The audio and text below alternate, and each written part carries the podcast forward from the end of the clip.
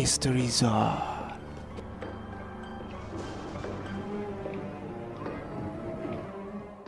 Radio Mercu Buana Station for Creative Student.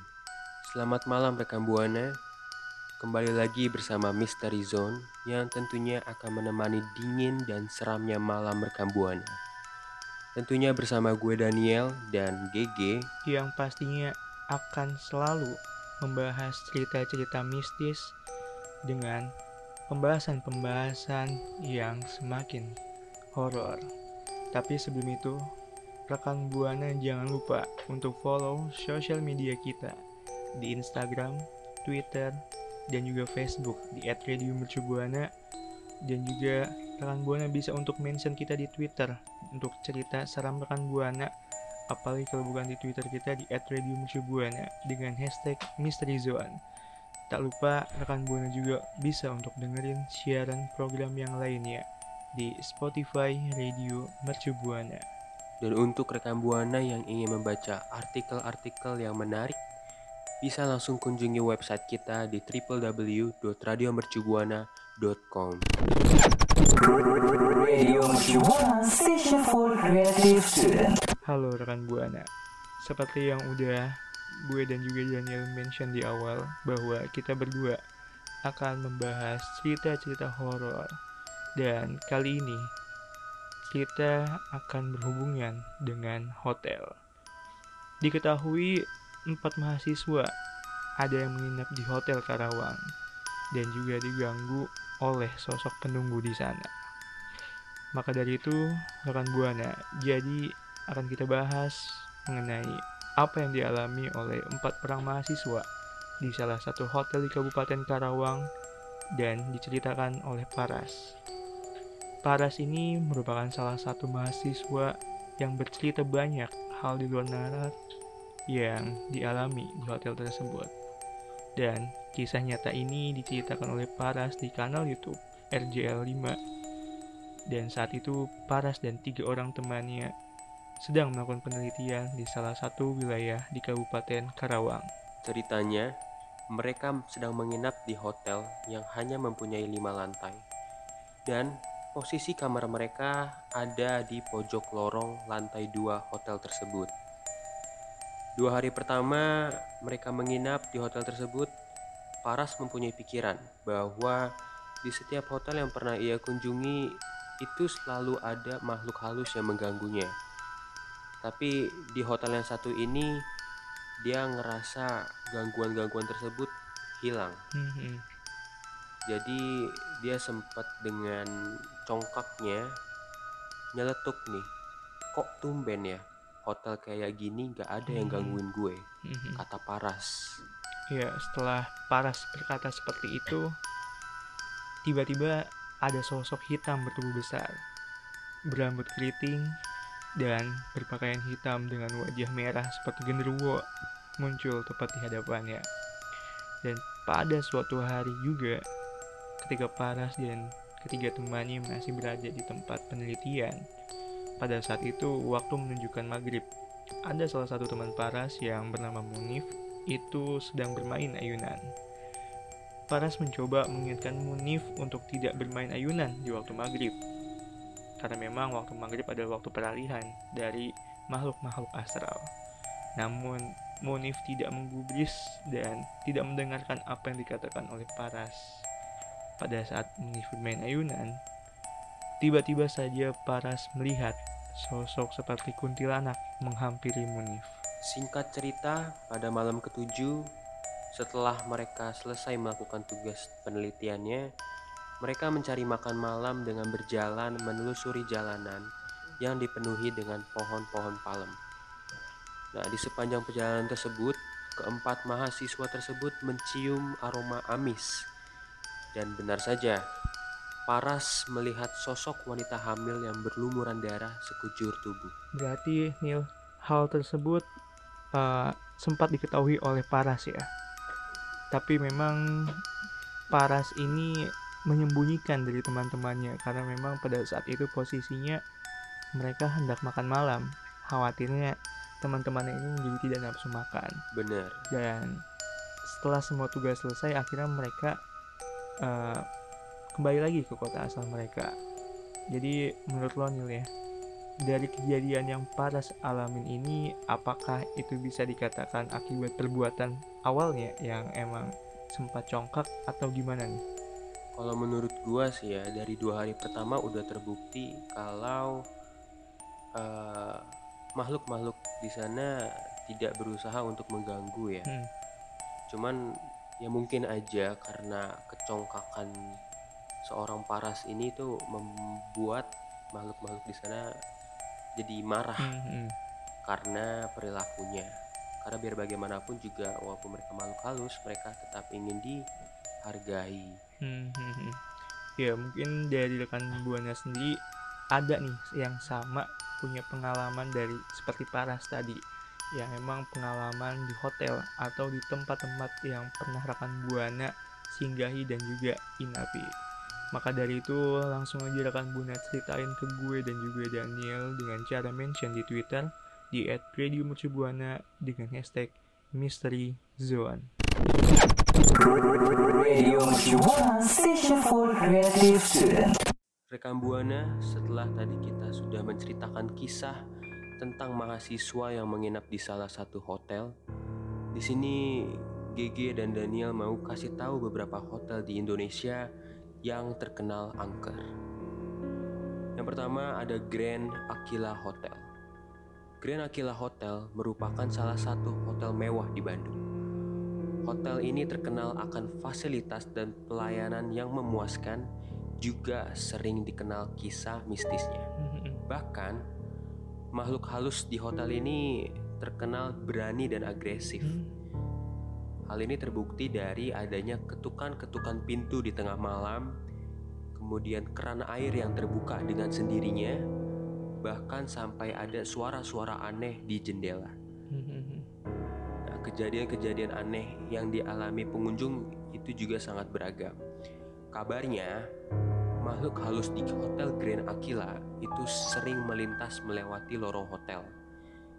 Tapi anehnya ya, Hmm. terlepas dari semua itu, hotel ini tetap menarik bagi para pengunjung, khususnya yang ingin menikmati kemewahan hotel Grand Aquila ini. Hmm. Karena emang sih G, interior lobby ini sangat megah dengan tangga melingkar dan itu bagus banget untuk jadi latar belakang foto. Hmm. Ya mungkin dari kejadian-kejadian tadi kan emang cukup agresif ya bisa dibilang. Tapi emang banyak juga nih pengunjung yang masih menikmati kemewahan hotel karena emang interiornya terus juga eh, cocok banget untuk jadi latar berfoto ya bagi keluarga-keluarga. Bener. Nah, tadi itu dari daerah Bandung. Kita melipir ke daerah Jawa yaitu di daerah Malang. Ada Hotel Tugu Malang.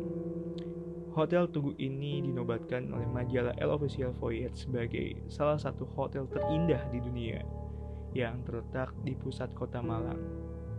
Hotel Tugu ini eh, menyuguhkan interior Tiongkok dengan dipadukan budaya Jawa dan terbilang harga hotel bintang 5 ini sekitar 1,300 juta per malam. Yang menarik dari hotel Tugu ini adalah foto seorang wanita berambut panjang berdiri membelakangi cermin yang dipajang di The Suburban Room. Wanita di foto tersebut adalah Oi Huilan, putri dari Oi Tiong Ham, pria terkaya di Asia Tenggara di abad ke-19. Banyak yang merasa foto tersebut memberikan aura menyeramkan dan mengaku mereka didatangi oleh wanita di foto di dalam mimpi. Karena yang perlu kita ketahui bahwa foto, patung, atau apa pun itu adalah sebagai media mereka untuk berinteraksi. Jadi bisa saja yang di dalam foto tersebut bukan adalah orangnya, melainkan adalah makhluk yang menyerupai oleh foto tersebut. Ada pula yang mengatakan bahwa di lantai dua hotel Tugu ini terasa berat dan sesak. Tapi pengelola hotel Tugu Malang memastikan jika anggapan masyarakat tersebut tentang adanya hal mistis itu tidak pernah terjadi. Marketing dan Communication Manager Hotel Tugu Malang yaitu Pratiwis Sasotya menegaskan foto yang disebut mengundang aura mistis sudah lama tidak terpasang serta tidak mengandung unsur mistis apa pun.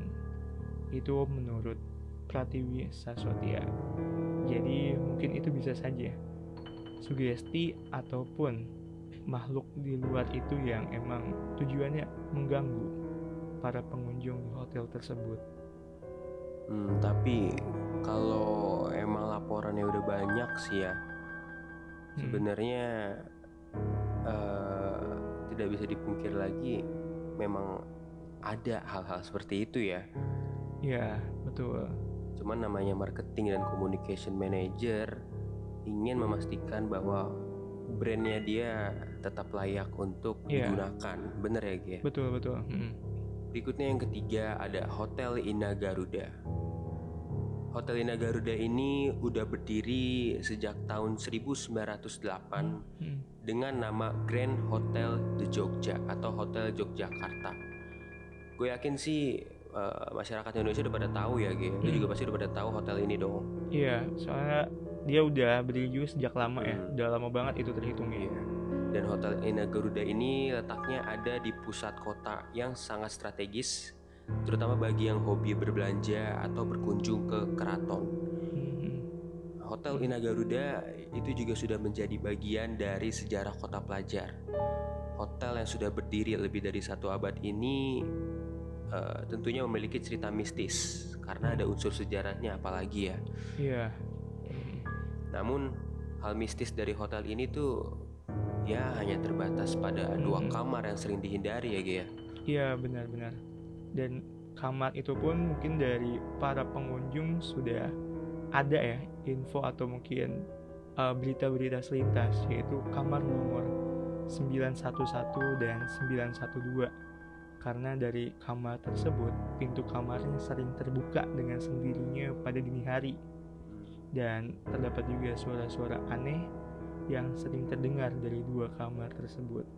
Bahkan beberapa pernah melihat kursi bergoyang dengan sendirinya tapi tidak menutup kemungkinan Hotel Ina Garuda ini tetap menjadi favorit bagi para pengunjung. Kalau gue dengar-dengar sih Gia, Hmm, eh, kenapa hotel ini masih menjadi favorit itu karena kebanyakan mayoritas menganggap cerita-cerita mistis ini cuman marketing gitu ya kayak tantangan kayak apa sih kayaknya nggak beneran gitu jadi orang-orang malah Hmm. jadi makin penasaran Iya iya. Mungkin dari rekan buana nih ada ini yang udah berkunjung dari ketiga hotel ini nih. Mm-mm, boleh banget nih untuk Hmm. eh, langsung cerita bareng kita di dengan cara mention ke Twitter di @radiomercubuana dengan hashtagnya Mystery Zone. Radio Mercubuana Station for Creative Student. Halo rekan buana, tiba akhirnya kita memasuki segmen spesial Celamun Cerita Malam Kliwon. Nah setelah kita tadi udah berbincang-bincang mengenai cerita mistis yang berdasarkan laporan dari orang-orang, Hmm. gue penasaran Ge, ada nggak nih cerita mistis yang udah lu rasain khususnya yang berkaitan dengan hotel?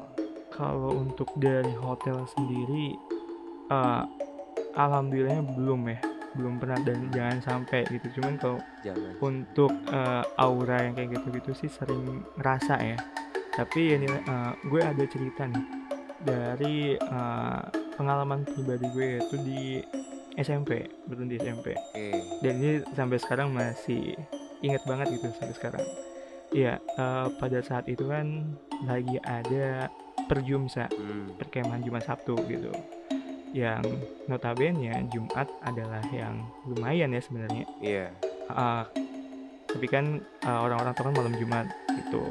Ini perjumsa nah eh, awalnya baik-baik aja nggak ada nggak ada yang dipermasalahkan atau gimana di hari pertama. Hmm. tapi menjelang malam hari dan emang kita semua semua tahu kalau cerita dari sekolah itu kayak gimana cerita belakang kayak gimana Eh, dan setelah maghrib kan bakal ada apa namanya api unggun ya. Ada pembakaran api unggun. Iya, iya. dan para peserta turun semua ke lapangan. Gue dan juga beberapa teman gue tuh ngecek ke kelas-kelas dan juga eh, sebagai perantara dari para peserta yang emang lagi butuh obat gitu. Butuh Hmm. obat dan yang lagi sakit karena kebetulan obat lagi di tasnya gitu nggak dibawa. Gue sama ketiga temen gue ini naiklah ke atas ke lantai dua karena emang itu di kamar pesertanya di lantai dua itu Mm.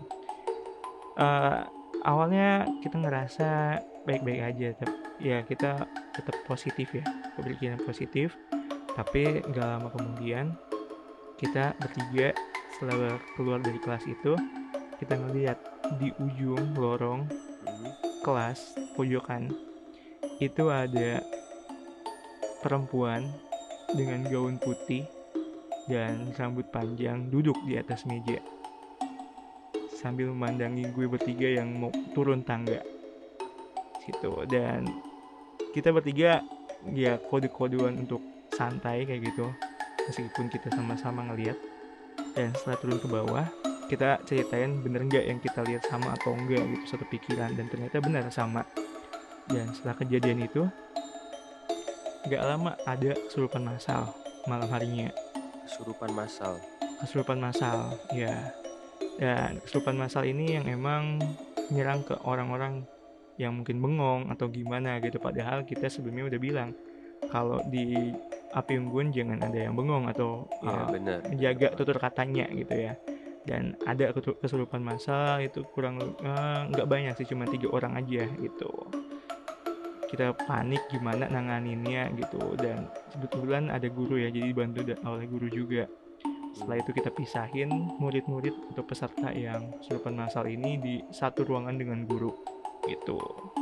Dan ya dan pada saat itu ketika dipisahin dan di sama guru kebetulan para panitia gue kan panitia ya kebetulan para panitia ini lagi kehabisan minum kebetulan dan mau nggak mau kita minumnya ke ruang guru dong minta minum ke ruang guru ya. Iya iya. dan tempat itu adalah tempat si para peserta yang kesurupan masal ini gitu. Dan dia lagi duduk di situ gue ngeliat nih berdua. Kebetulan gue masuk berdua ke ruangan itu. Eh gue nggak mau ngelihat ke kanan karena itu tempat dia ya lagi duduk ya. Hmm. dan ketika udah ngisi minum kita penasaran gue berdua sama temen gue penasaran dan minum ternyata yang kesurupan masal ini nggak tidur dia melek. Bener-bener melek. iya.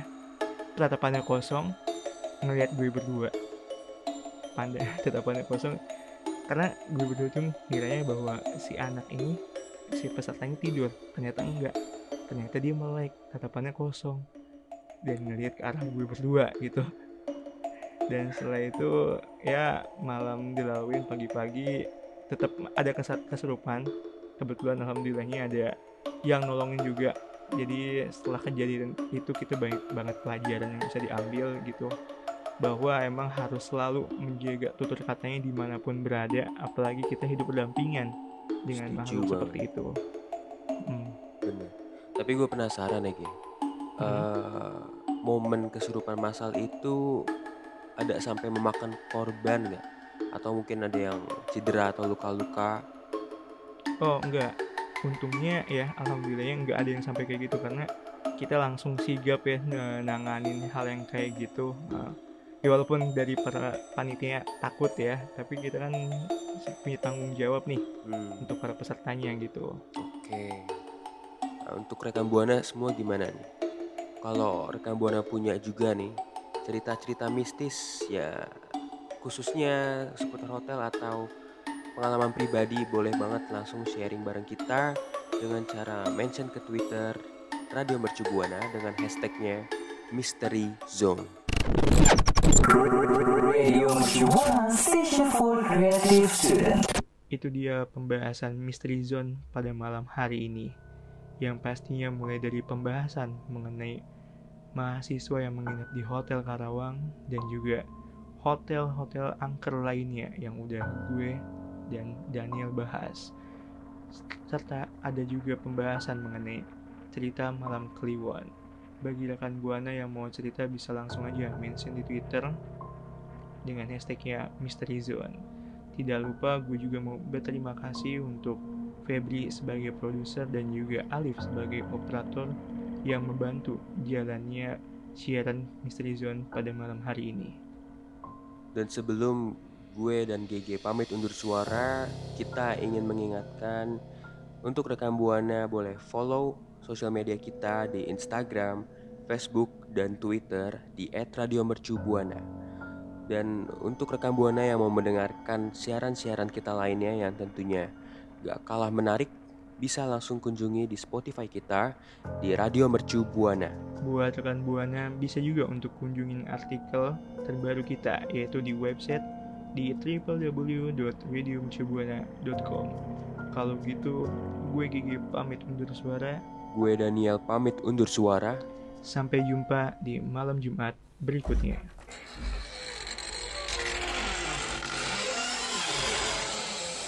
Setiap malam Jumat lo ketakutan karena gak ada yang nemenin lo. Atau lo penasaran dengan semua misteri yang ada di dunia ini. Makanya dengerin terus Mystery Zone setiap hari Kamis dari jam 5 sore sampai jam 7 malam. Ditemani dengan penyiar yang gak kalah misteriusnya. Hanya di Radio Mercubuana FM Station for Creative Student Radio Mercubuana Station for Creative Student.